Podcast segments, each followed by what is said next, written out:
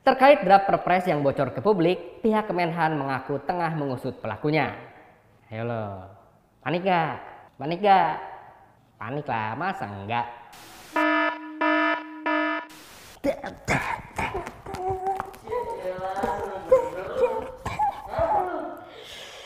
Kayaknya gue bakal jadi komisaris deh. Orang udah jago main gitar sekarang gue. Selamat datang di Berita Buru-Buru terdepan dalam mengobarkan bersama saya, Mr. Kece. Membahas kejadian terkini dengan buru-buru sehingga Anda tetap harus mencari referensi lain. Hari yang menyedihkan pasca liburan karena lagi-lagi saya tidak didampingi Pita Cili. Kita langsung ke berita pertama. Ketua Badan Kerjasama Antar Parlemen alias BKSAP DPR, Fadlizon mengabarkan kalau dirinya terkena kopet. Lord Fadli mengabarkan berita itu lewat cuitan di Twitternya. Meski demikian, dia mengklaim kondisinya baik-baik saja. Cepat sehat ya Lord. Lord Fadli berpesan kepada masyarakat bahwa kopet itu nyata. Oleh karena itu, masyarakat harus tetap waspada dan tetap taati prokes. Pesan dari politisi kawakan sekali berlord Fadli tentunya harus kita anggap serius supaya jumlah kopet diot semakin berkurang. Terima kasih Lord Fadli atas pesannya. Kita ke berita selanjutnya. Harbolnas masih lama, tapi publik sudah heboh dengan rencana belanja. Tentu saja heboh, karena yang kami maksud adalah rencana Kementerian Pertahanan belanja sejumlah alat utama sistem persenjataan alias alutsista. Belinya pakai sistem COD nggak ya? Yang bikin publik heboh adalah anggaran belanjanya dikabarkan mencapai 1,7 kuadriliun rupiah. Sekali lagi, kuadriliun. Mr. Kece sendiri baru tahu ada satuan uang kuadriliun. Berapakah jumlah nol dalam satu kuadriliun? 20 kan ya nol ya? Angka tersebut tercantum dalam draft perpres yang bocor ke publik. Kemenhan melalui Direktur Jenderal Strategis Rodon Pedrason membantah angka fantastis tersebut. Kata dia, anggaran pembelian alutsista adalah rahasia negara. Pokoknya bukan 1,7 kuadriliun.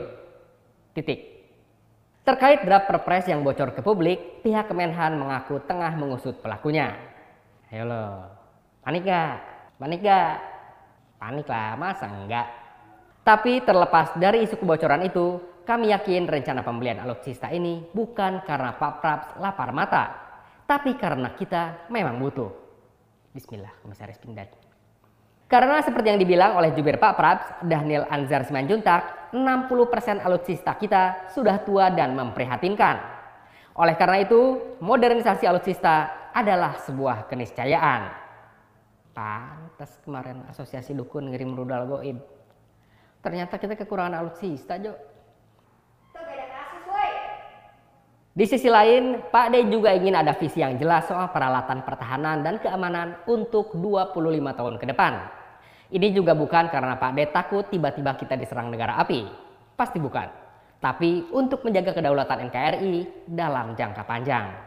Masyarakat juga jangan khawatir karena menurut Daniel, pembiayaan belanja alutsista ini tidak akan membebani APBN. Sebab nanti belanja alutsistanya akan menggunakan utang luar negeri. Utang luar negeri tentu tidak akan membebani APBN.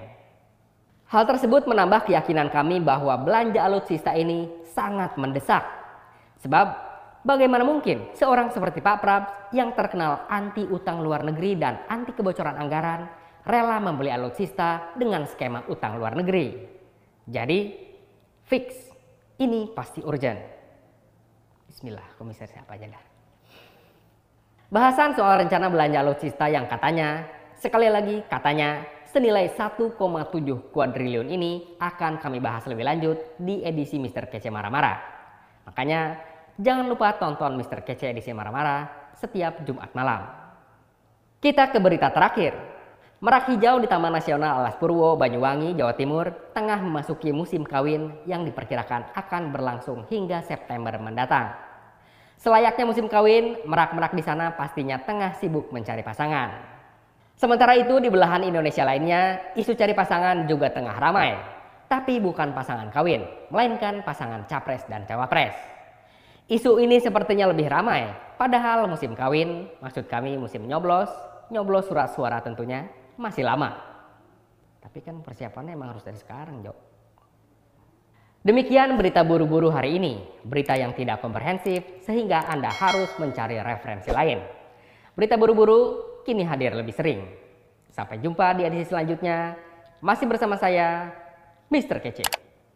Terdepan dalam mengobarkan.